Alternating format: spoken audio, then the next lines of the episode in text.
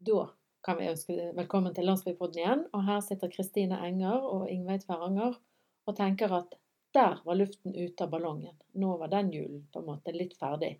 Hvordan har du det, Kristine? Jeg har det egentlig veldig bra. Jeg har klart å senke skuldrene litt. Jeg er egentlig ganske fornøyd og kjenner at jeg har eh, lyst til å komme meg ut på dagene midt på dagen nå i romjula masse og, og dra nytte av det lyset som vi har. Det er veldig deilig. Og da er det jo perfekt at vi har en ekspert med oss her som både skal hjelpe oss til å komme i bevegelse og på en måte passe på det vi putter i oss. Kanskje ikke akkurat sånn i dag eller nå, men litt framover. Og det er du, Maria Haugland. Velkommen til Landsbypodden. Tusen takk for det. Og du er jo eh, et funn for oss. Vi oppdaget jo deg på Instagram, der du har en veldig kul konto som heter By Maria Haugland. Og der driver du med mat og oppskrifter. Du driver med litt interiør og sånn fine ting. Og så har du skrevet en bok. Og i tillegg så er du en slags gründer, for du driver jo din egen butikk. Eh, kan du ikke si litt hva er liksom din business? Jo, eh, min business det er først og fremst en superblend som er økologisk. Den heter Gyllengruppe Meiblend. Det er en miks av eh, supermat som gurkemeie, ingefær, veldig sånn betennelsesdempende krydder. Og den selger jeg til kafeer i distriktet, og jeg har egen nettbutikk. Og ja, selger den over hele Norge, egentlig, i diverse helsekostbutikker og helsekostnettbutikker. Mm. Hvordan kom du på at du ville lage en sånn gyllen gurkemeieblend? Jeg kom på den blenden en dag jeg skulle lage gullmelk, og jeg ble veldig irritert over at du måtte ha et helt krydderensemble i kjøkkenskapene. Gullmelk? Ja. ja. Det, så den blenden du har laget, det er ingrediensene til gullmelk? Ja. Da er alt blanda ferdig for deg i perfekte forhold. Alt du trenger. Og Putter du det i melk, eller er det hva? Ja, da putter du det i eh, plantebasert melk. Jeg elsker å putte havremelk. Den er veldig sånn fin balanse i sødme og kryddersmaker. Mm. Ok. Jeg tror jeg skjønner at jeg har bomma litt. fordi jeg har hørt om det der med gurkemeie som er veldig sånn betennelsesdempende. da, Så det har jeg testa. Eh, masse gurkemeie i vanlig kumelk. Og prøvd å få dette her til å både være drikkende så godt, og det har egentlig skåret seg ganske grundig. Så, så, så, jeg skjønner at eh, jeg må ha noe mer. Det må være en ordentlig god krydderblanding. Ja. Eh, og det er den du har Det er liksom det som er ditt hovedprodukt av denne, denne krydderblandingen krydderblandinger? Det er mitt hovedprodukt, og det jeg virkelig vil at folk skal få ta en del av. Fordi jeg tror eh, på dette produktet at det er betennelsesdempende, og at den, ja, det er veldig bra for kroppen. Mm. Men er det med, altså varm melk? Plantemelk? Så ja, du varmer sånn, det opp. Ja, det blir liksom Istedenfor kakao kan du sitte um, og ja. drikke det på kvelden. Eller hvor ofte drikker du det egentlig? Jeg drikker det jo veldig ofte, og jeg blander jo òg mitt eh, pulver i f.eks. smoothies. Jeg blander det i eh, lappene så jeg lager til ungene mine. Ja, hiver det i middagen. Hiver det i ja, kaffe kan du ha det i. Men det er en veldig fin eh, alternativ eh, og koffeinfri drikk. Hvordan kom du på eh, at du ville mikse din egen Du sier du liksom, var litt sånn frustrert over at du ville lage det. Mm. Men hvordan liksom knekket du ut at det skulle bli en business av det? Hvordan kom du på det? Jeg har alltid tenkt på det å ha min egen eh, business. Kanskje ikke egen business, men følelsen av at eh, jeg vil styre min egen jobbhverdag. Og når jeg fikk eh, Klara, så var Ulrik to år, og jeg hadde et veldig behov for å gå hjemme et år ekstra med henne, bare for å ha litt ro i heimen, rett og slett. Um, men jeg ville òg bruke det året på å finne ut av hva jeg faktisk vil. Ja. Vil jeg bruke permisjonen på å tenke ut en plan for veien videre, eller vil jeg bare putle og gå tilbake til det samme gamle? Og så, ja, Unnskyld, Kristine. Jeg, jeg, bare lurte på hva det samme gamle var. Hva, hva, holdt du på med før du lagde denne nettbutikken og og, fikk en Instagram-konto med 5000 følgere og har blogg og alt dette. Hva, hva, hvor kom du fra? Eh, bakgrunnen min er jo at jeg har tatt fagutdanning i engelsk religion, så jeg har jobbet litt som faglærer. Og um, så har jeg jobbet veldig mye i butikk eh, under studiene og i ungdomstiden. Så jeg har alltid likt å jobbe med folk. Og jeg liker å undervise. Eh, jeg hadde bare veldig lyst til å undervise i noe jeg virkelig brenner for sjøl. Eh, det gjør jo ting mye lettere, selvfølgelig, når du tror på det sjøl. Men så har du altså laget denne eh, krydderblandingen, eller gullmelkingrediensene, sant? som Mhm. nå du sier du selger over hele landet på ulikt vis. Hvordan fikk du det til å skje da? Altså, gikk du rundt og banket på dører og sa ta inn denne boksen med, eh, med denne miksen, eller hva, hva har du gjort? Ja, det starter jo med at du er dritredd. Det starter jo med at du er sånn Hvem tror jeg at jeg er? Er dette for noe tull og vas? Du Ja, starter der. ja, så du er der, ja. Ja, ja, ja. Du starter helt from scratch. Og for hver ting du tør å gjøre, så er det sånn OK, OK, I got this. Um, og sånn har det vært for hver eneste steg jeg har tatt. Kjempeskummelt. Og jeg har um, f.eks. til Coffee Berry, så var den første kafeen som tok inn blenden min. Eh, altså, det er hjertebank, og det er skummelt. For det, det, er, det er produktet ditt. Det er din ting som du nå vil andre skal selge for deg. Som du vil at folk skal godkjenne.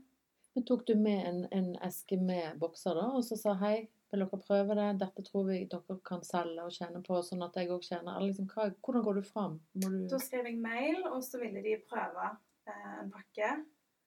Og etter mye om og men, så ville de bestille inn. Da satt jeg i Italia av alle plasser, og de skulle ha til tre av kafeene sine.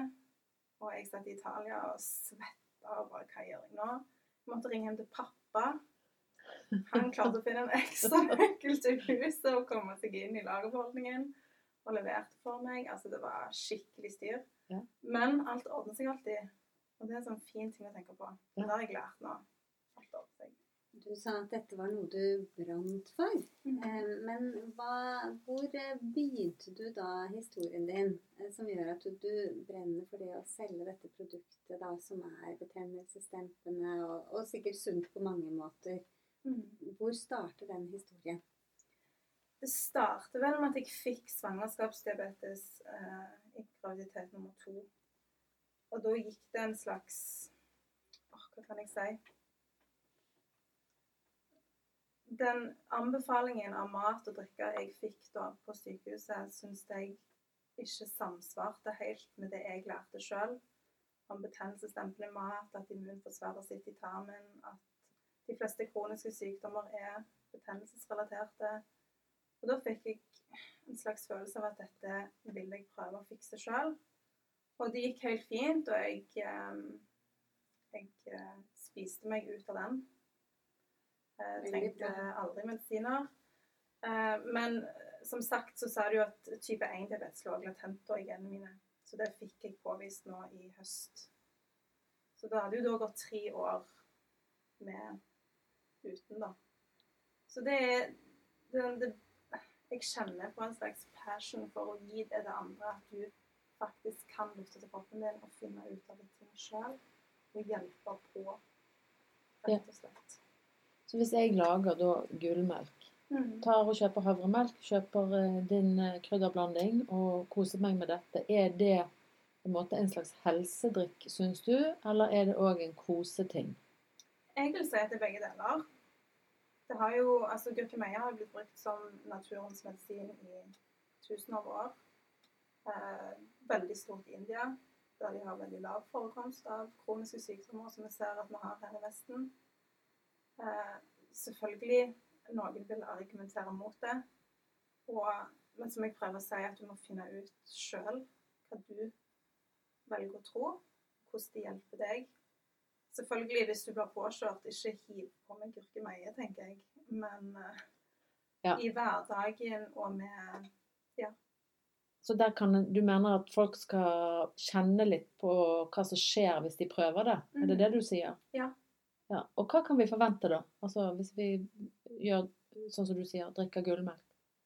For eksempel så er det veldig mange som bruker når de kjenner at det mør i halsen. Og da er jo kombinasjonen av både gurkemeie og ingefær veldig sterk. Og mange kjenner lettelse på det. Mange kjenner at de blir bedre i ledd, i muskler, eh, eksem. Jeg kjenner det jo sjøl med at det er veldig avslappende. Og utrolig koselig, egentlig. Eh, Men det er jo ofte sånn med sånn naturmedisin da, at den skal være litt forsiktig hvis den går på ulike typer medisiner eller har ulike typer tilstander. Og at det gjerne er fornuftig da å ha en dialog med fastlegen sin f.eks. Og, og at den altså, typen naturmedisin skal jo aldri være noe erstatning for å gå til legen og, og bli ordentlig vurdert. Eh, Når du, du får jo mye spørsmål. Mm. Hvordan veileder du i forhold til, til akkurat det som jeg sier nå? Jeg er veldig klar på det at jeg ikke er en lege. Jeg er ikke en ernæringsfysiolog. Jeg er ikke utdannet innen ernæring eller noe som helst innenfor helse. Dette er det jeg erfarer sjøl. Jeg personlig går jo på insulin. Jeg Hadde jo aldri bytta ut det med naturmedisin. Men jeg mener jo òg at det er mitt ansvar å gjøre alt det jeg kan for å ha en kropp i balanse. I tillegg til det andre jeg er nødt til å gjøre. Og da tenker jeg at det er en veldig fin balanse å ha. Eh, At jeg òg velger det å trene, det å spise næringsrikt, det å velge betennelsesdempende mat, i tillegg da. Ja, spennende. Og så sier du, Kristine, at du, du får jo masse spørsmål, og det sa du jo Mm. før vi begynte her. Altså, hva er det folk som tar kontakt med deg f.eks. etter en Instagram-post lurer på, eller på bloggen, eller hva er det de liksom vil at du skal svare dem på? Det, der jeg får mest spørsmål, det er via My Story på Instagram. Der er jeg jo veldig aktiv. Eh, og det er spørsmål fra mat til trening, til vektnedgang, til forhold, til hvorfor jeg velger å gjøre sånt, hvorfor jeg velger å ikke gjøre sånt. Kjærlighetslivet til og med. Ja, folk lurer på de rareste ting som jeg ikke tenker over sjøl engang. Ja. Ja, rett og slett. Så det er ja, interessant. Ja, på Instagram Story, der eh, kan jo når folk stiller spørsmål der, så går det jo bare til deg. Ja. Det blir liksom ikke publisert så alle andre ser det. Så det er sikkert eh, når du er veldig veldig aktiv på Instagram Story, så, så genererer du nok flere spørsmål òg Ja. på den måten, da. Hvor mye tid bruker du i løpet av dagen på, på Instagram, og både med å legge ut og svare på spørsmål og Det går noen timer til det. Jeg bruker ca. en time om morgenen å svare alle i eh, personlige meldinger og på kommentarer. Og så bruker jeg òg tid på å kommentere på andre sine poster. Ja. Det er veldig viktig. ja. Så det, det tar tid. Men du har jo òg eh, oppsummert mye av dette i en bok som du nå har gitt ut. Mm. Og, og, og den heter 'Skap din egen hverdagsmagi'. Mm. Fortell hvordan du har jobbet med boken. Det var utrolig kjekt. Da skjønte jeg at jeg var veldig sånn flytone, at uh, dette er gøy.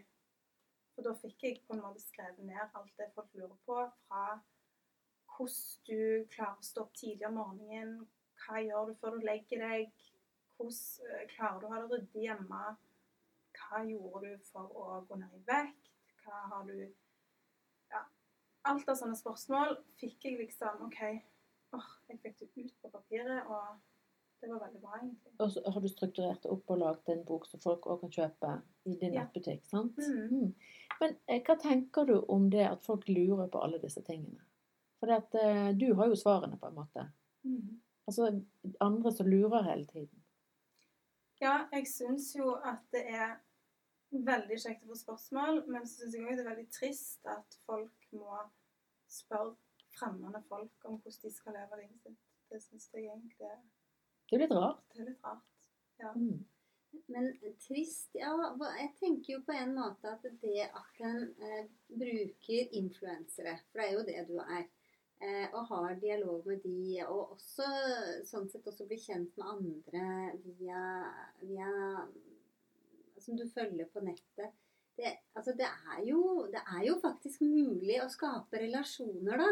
Mm. Eh, og, og, og, og, bli venner også sånn i det virkelige livet. Gjennom eh, Instagram og gjennom å begynne å stille spørsmål og ta kontakt med de som en ser er litt opptatt av de samme tingene. Så det, det trenger jo ikke være et dårlig tegn. Det kan faktisk være et godt tegn på at noen er veldig engasjert og interessert. da. Ja, akkurat det syns jeg er veldig kjekt. Jeg har veldig mange venner på Facebook eh, eller på, og Instagram på stories. Men um, det er mer den at folk spør nesten om lov til å gjøre ting som er the bad side. Okay. Den at uh, selvfølgelig kan du gjøre det hvis du vil gjøre det. Da må du bestemme over det sjøl. Du trenger ikke spørre meg om, om lov til det. Nei. Men det er veldig, som du sier, jeg har fått utrolig kule venner på Instagram fordi at du har samme interessene. Du har ofte det samme mindsettet. Så det er veldig kjekt. Og, og det å få venner i voksen alder, for du er en helt annen plass i livet Men- det du var før. Ja, ja, sier du nå at eh, via eh, By Maria Haugland at du har fått venninner som du møter fysisk nå, som er på en måte en ny gjeng som du har funnet? Er det sånn? Ja, kanskje ikke en gjeng, men altså Ja, jeg har fått venner, bl.a. Susanne, Ja. som eh, jeg holder kurs med. Susanne Todne, Ja. som har vært gjest her tidligere. Ja. Det var jo sånn, vi fant jo deg via Susanne, så det er jo litt sånn. Ja. Ja. Meg og hun har jo blitt kjempegode venner. Og vi møttes jo på Instagram med deres uhell. Uh, vi møttes over lunsj. Men vi bare klikka veldig bra. Og deler liksom den entusiasmen over uh, næringsrik mat og bare det, det å gjøre hverdagen ekstra fin. Det møtes vi veldig. Mhm. Bra. Men du, du eh, holder jo nå på å kanskje stake ut en annen retning òg for deg sjøl. Eh, for du mener jo at eh, en trenger jo ikke bli noe, og så skal en være der for resten av livet. Mm. Så hva er, det, hva er det du driver og utforsker nå? Hvor er det du på vei henne? Akkurat nå så holder jeg på å ta en sånn instruktørutdanning i SATS. Det er jo en veldig liten stilling, men jeg er jo veldig for det hva dører det kan åpne. Og så er jeg jo veldig på den eh, å gjøre mer av det du elsker, og hvordan kan du få betalt for å gjøre det du elsker. Det er en litt sånn viktig huskeregel som egentlig har i bakhodet. Hva, hva du kan gjøre mer av, så du blir glad av. Ja, og da eh, utdanner du deg til spinninginstruktør Mhm. og skal begynne å kjøre timer på nyåret. Ja. Så da kan folk gå og komme i form med Maria Yes. Det, det er jo litt kult. Men, men ha, hvordan har du reflektert deg fram til det at det er viktig å på en måte knekke de kodene som gjør at du kan eh, leve av det du syns er kjekkest? Altså, hvordan kom du fram til at det var eh, smart? Ja, jeg starta veldig med at jeg begynte å utforske meg sjøl. Det året jeg hadde faktisk litt ekstra tid hjemme til å gjøre det. Hva er det jeg vil, hvordan vil jeg at livet skal være, hvordan har livet vært til nå? Eh, Og begynte å se på alt det jeg likte å gjøre som barn. Jeg elska å ha forestillinger for familie og venner. Jeg var helt i mitt ess i koret. Altså, jeg likte å opptre. Og det er på en måte det jeg gjør nå. Kanskje ikke på en scene, men foran mange folk. Jeg har alltid hatt en helt utrolig god fantasi. Eh, så jeg begynte å tenke liksom disse tingene. Hva var det som, som gjorde meg glad da jeg var liten? Hva tid var jeg på mitt beste? Og så har jeg prøvd å, å få det til nå i det voksne livet. Mm. Og så er du jo på vei, sant? Ja. Eh, tenker du at Altså nå er du 30 år ca. Tenker du at eh, du vet hvor du er når du er 40, eller tror du at denne reisen kommer til å ta deg liksom i mange svinger framover, eller hva, hva tenker du da? Jeg vet hvor jeg er i mindset når jeg er 40. Men hva karriere jeg har når jeg er 40, det vet jeg ikke. Men jeg vet eh, hvor jeg er hvor jeg som person er. da. Ja, hvor er du da? Nei, altså, jeg tenker jo at jeg er så bevisst over hva jeg vil når jeg er 30, syns jeg er veldig positivt. Så eh, jeg gleder meg til å bli 40 for å se hvor mye år jeg har blitt da. sånn tenker jo jeg. Ja, ja, ja. Så spennende. Men du, eh, nå er jo du eh, Nå høres du veldig tøff ut, Maria. Ja. Eh, fordi at eh, veldig mange av oss er litt sånn sånn redde for å si opp en jobb, redde for å finne en ny retning. Og, og, og hvis, hvis vi skal tenke sånn som du, så hvor er vi på vårt beste? Ja, det kan være når vi synger i et kor, men vi kan jo ikke bli popstjerner, på en måte. Så, eh, så hvor finner du styrken og liksom denne trøkket til å tørre disse tingene? For vi er jo litt pysete, mange av oss. Ja, og det er jeg òg, helt klart. Jeg eh, Det er noe du kjemper mot hver dag. Det er noe du må ta deg i. Og jeg har vært veldig redd, og jeg er ennå redd for å trå feil eller å ikke vite hvor inntekten skal komme fra. Og det, det, det er jo en stressende situasjon. Selvfølgelig så tenker jeg dager å, jeg skulle bare ønske jeg hadde en 8-4-jobb, så jeg visste jeg fikk lønn den tiende. Men å, så kjedelig Ja. hvis jeg hadde måttet stått opp hver dag og ikke hatt det gøy på jobb. Det hadde vært så trist. Jeg blir ordentlig inspirert. Jeg, jeg synes jeg også skulle gjerne vite hvor, eh, hvor du er når du er både 40 og 50 år, for å si det sånn. Ja, men vi skal jo følge Ja, med. vi må følge med. Klart vi skal følge Ja. med. Så, men fordi det du sier, det er jo viktig for oss i alle aldre. For det er jo ikke for seint å, å virkelig følge drømmen sin og gjøre det en har tenkt. Eh, og som en, virke, som en brenner for, og som en kjenner at er, er det rette. Og så se hvor det tar en hen. Mm. For det, det er jo det som er så herlig med, med de som er unge. At de, de kan De har liksom tid til å gjøre det på en måte. Så er, men, men jeg tenker det har vi alle. Mm. Um, så det, det, det var ordentlig inspirerende Ja. å høre deg prate nå. Men du, hva reaksjoner får du når du forteller om dette fra andre? Altså folk rundt deg, familie og venner. I starten var det jo litt blanda reaksjoner. For det jeg Jeg heller tar jo ikke opp da, altså jobben på dagen. Altså det er sjeldent at du kan gjøre det. Og det jeg begynte å gjøre, jeg startet en Instagram og holdt på med den hver dag. Du må jo starte fra bunn. Så jeg tenker jo hvis, hvis du vil bli forfatter, så må du kanskje ha jobben din i fem år til, men skriv nå i hvert fall litt hver dag, da. Gjør det. Og jeg kommer fra foreldre som alltid har vært veldig støttende. Og, og jeg har en mor som er litt sånn Ja, prøv det. Det går sikkert greit. OK. Eh, Altså, du, men resten har jo vært litt sånn okay. men du har, ja, så du har, du har støtte i familien for å, å, velge andre veier enn andre folk, da? Ja, jeg har veldig god støtte. Eh, men som sagt så var det jo litt blandereaksjoner i starten, faktisk. Men jeg tror òg når folk ser hva du faktisk får til, så får folk litt mer respekt. Jeg kunne godt tenkt meg et sånn tips til det, av deg til de som ikke er på Instagram. Det er Mm. faktisk ganske mange som ikke er på Instagram. Eh, hva, hvordan, og, og de tror liksom jeg har Facebook. eh, og da blir det med Instagram bare liksom Hvorfor skal jeg ha dobbelt opp, eller enda noe mer? Eh, kan du gi liksom noen tanker om hva er det som er det, det som er bra med Instagram? Og som gjør at man kanskje skal være også på Instagram, ikke bare på Facebook? Bedriftsmessig så er det veldig positivt med Instagram, for at du har en direkte kanal til kundene dine. Eh, Jeg kan eh, snakke om produktet mitt i dag til veldig, veldig mange folk veldig raskt. Så det er veldig positivt hvis du er en bedrift. Og det er utrolig mye bra underholdning og bra lærdom på Instagram. Eh, Jeg sier jo at hvis du vil ha treningsinspirasjon, du kan finne så mye.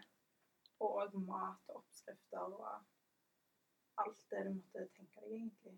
Eh, Er det vanskelig, syns du, å komme i gang? For du begynte jo i det små for deg sjøl mens du hadde en vanlig jobb, og så merker du at dette tar litt over. Det, du, det nye universet, det du har der. Er det sånn at du, må liksom lese deg opp, eller kan du bare begynne? Eller? Hva tenker du der? Det vanskeligste for meg var å hele tiden tenke åh, hva tenker folk? Og folk som kjenner meg, de tror sikkert at jeg er helt teite. Og at du tenker Det er sånn du tenker. Og hva de Hvem bryr seg om dette? Og hva de skriver nå? Jeg høres jo helt teit ut. Altså, du går gjennom de fasene med at eh, du har veldig stort fokus på hva alle andre tenker. Så det tror jeg er faktisk den største utfordringen. At når folk vil starte noe som de har brenner for, om det er interiørkonto eller oppskrifter eller ja, det er de Treningskonto. Ja, at folk er litt sånn åh, det er skummelt for du tenker på det hva andre Men, det, men det har du sluttet å tenke på? Selvfølgelig, det er jo noe som alltid ligger der. Eh, men jeg, nå ser jeg det som noe positivt, for at før jeg legger ut noe nå, og, jeg, og hvis jeg da tenker at å, hva kommer folk til å synes om dette, da vet jeg at det er bra. Okay. Da vet jeg, okay, Så du skal kjenne litt på det? Dette er bra. Ja. Og nå bryr jeg meg liksom om hva folk tenker. Ja, Og det er en positiv ting. kult. Ja. Det var jo en fin eh, sånn følelse du skal ha i deg, da. At du kjenner at det er litt press, på en måte. Ja, du må kjenne på presset. Ja. Det er veldig viktig. Mm. Men den gleden også, tenker jeg, når en har liksom lagt ut noe sånn skikkelig bra, Mm. som en virkelig er litt sånn stolt over, eh, og som du sikkert leser igjennom for din egen del flere Ja. ganger, bare for å kose deg med det også sjøl. Altså det, det å kjenne på at en leverer innhold Ja. som har kvalitet på Instagram, Mm. eh, at det, altså det gir jo deg noe tilbake. Og det er veldig vanskelig å gjøre. Altså, det folk reagerer mest på, det er når du er åpen og, og ærlig og Gir av deg sjøl. gir deg sjøl. Sånn som nå hadde jo jeg en litt tøff høst med at jeg fikk eh, eh, type 1-diabetes. Og det var veldig tøft. Klart det. Og, men så er jeg òg veldig på den at det var veldig tøft. Nå går det veldig fint. Og da går det veldig fint. Og da hadde jeg eh, Jeg kommer aldri til å late som at det ikke går fint bare for den sympatien. Det kommer jeg ikke til å gjøre. Bra. Men da kan vi jo bare si takk, Maria, for at du kom og delte dette med oss. Og hvis folk nå har eh, lyst til å følge med på deg, så går de inn på By Maria Haugland på eh, Instagram. Der ligger det du har snakket om, og mye mer. Og det er en veldig fin konto, syns jeg, da. Kjekt å følge med på. Eh, ja, Kristine. Vi har liksom vært gjennom dette etergildet da, så julen er, og fortsetter jo litt med det etter hvert. Men du har gjerne noen gode råd, du òg? I ditt grønne hjørne. Det er klart jeg har. det Så ler du. Ja, ja. Ja, altså Ja, fordi at nå prøver jeg jo å være ute så mye jeg kan, egentlig, når det er lyst. Og, eh, og det som jeg er glad i, det er jo å sanke da når jeg er på tur. Og det er ikke så mye å sanke, egentlig, sånn eh, midt i romjula.